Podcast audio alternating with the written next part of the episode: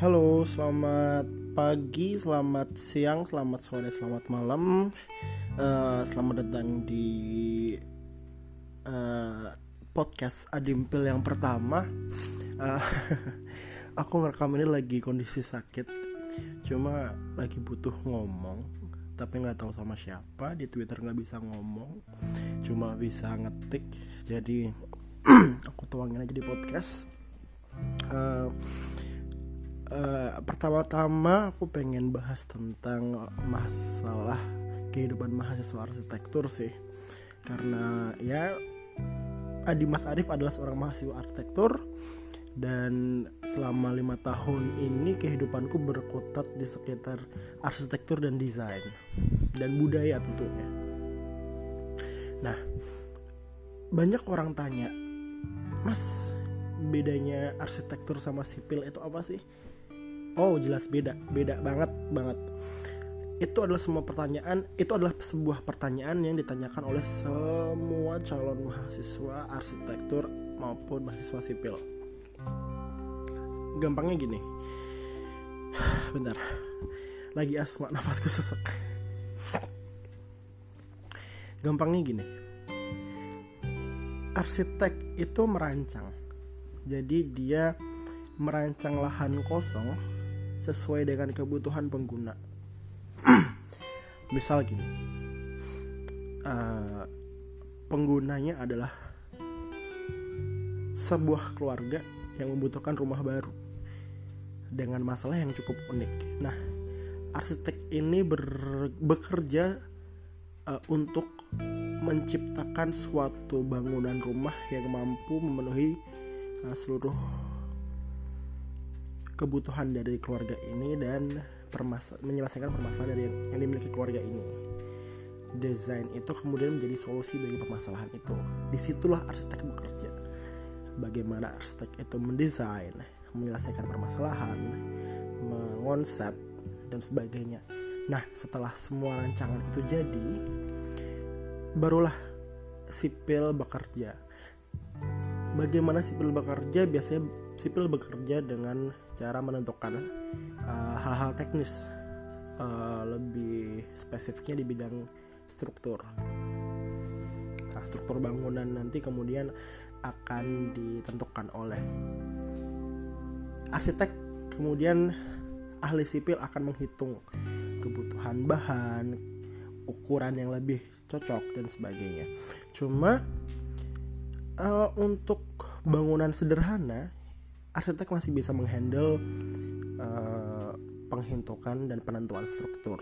Tapi untuk bangunan yang lebih kompleks itu biasanya sipil bekerja seperti bangunan high rise building atau bangunan mall atau bangunan lepas pantai seperti itu.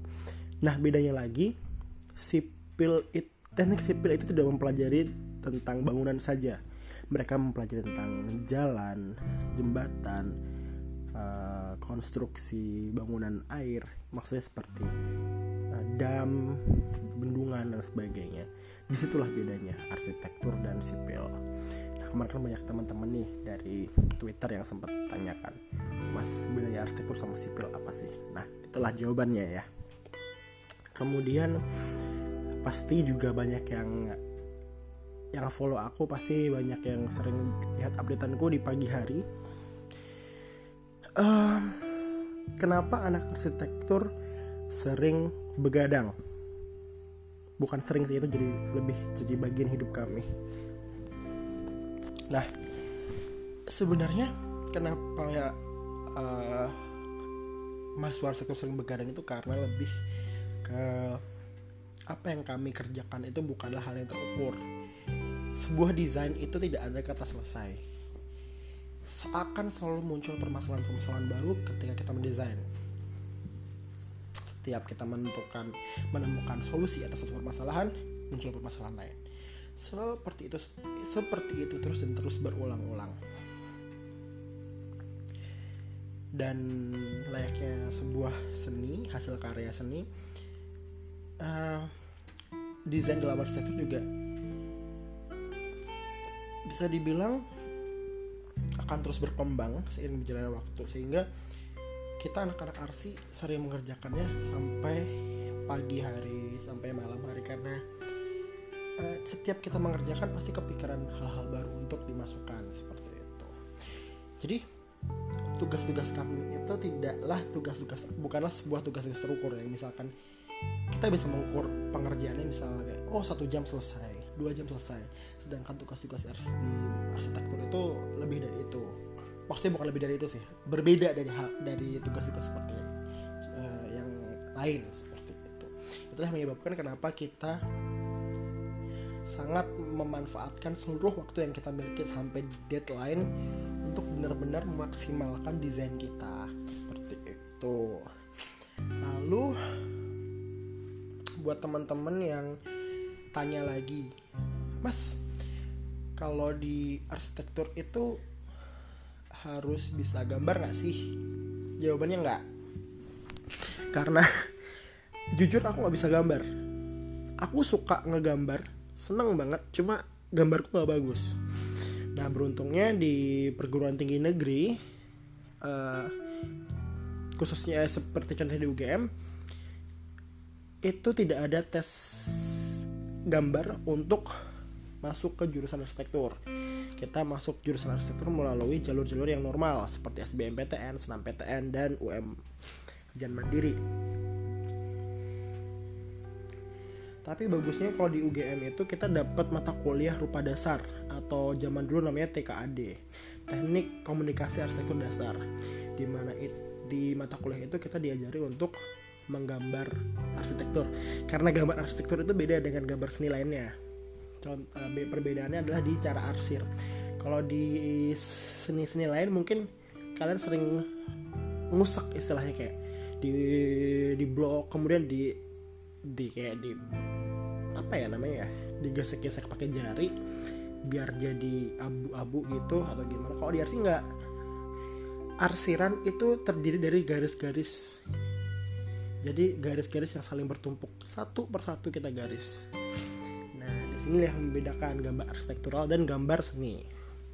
Kalian juga bisa cari contoh di YouTube atau tutorial tentang architectural drawing atau architectural sketch. Banyak banget uh, youtubers youtubers di luar negeri yang memberikan tutorial tentang architectural sketch.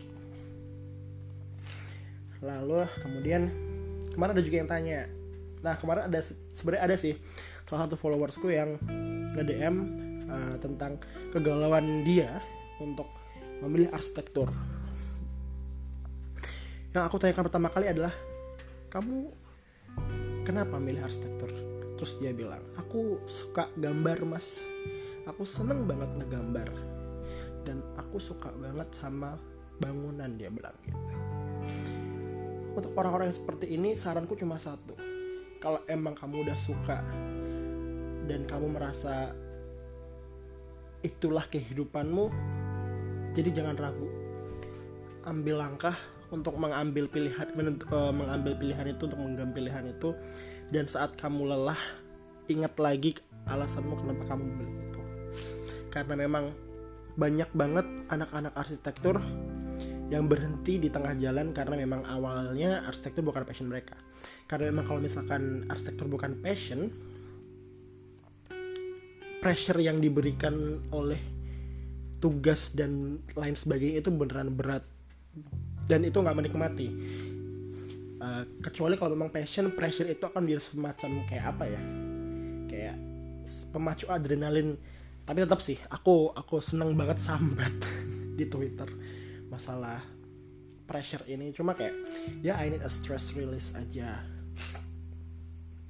Dan mungkin kalian akan merasa lebih relatable ketika sambatnya ke sesama teman arsitektur itu bakalan sangat connect kayak anjir gambar gue belum kelar mati tinggal tiga jam. Temen kamu bakal ngomong hal yang sama Harus kayak kalian menemukan teman seperjuangan itu seneng banget.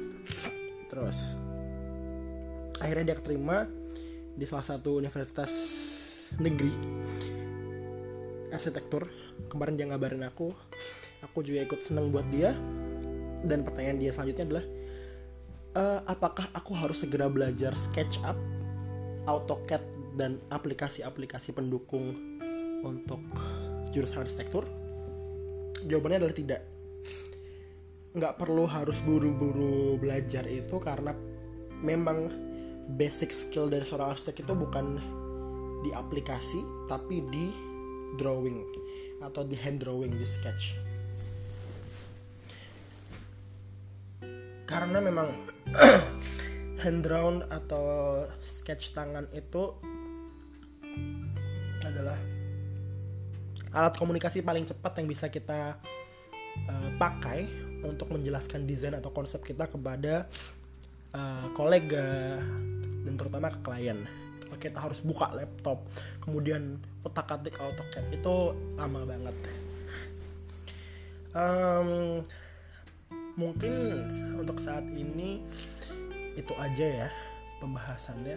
Kalau kalian misalkan ada pertanyaan boleh langsung komen. Oh sorry maksudku mention di Twitter atau langsung DM aja uh, untuk aku jawab di podcast podcast selanjutnya. Ini baru nyoba sih podcast. Semoga kalian nggak terganggu dengan suaraku yang bindeng dengan nafasku yang sesek capek banget gila anjing. Mungkin di podcast selanjutnya aku bakal bahas masalah hal-hal mistis ya. Yang bakal bikin kalian senang mungkin sih. Oke sampai jumpa di podcast selanjutnya dan wassalamualaikum warahmatullahi wabarakatuh. Salam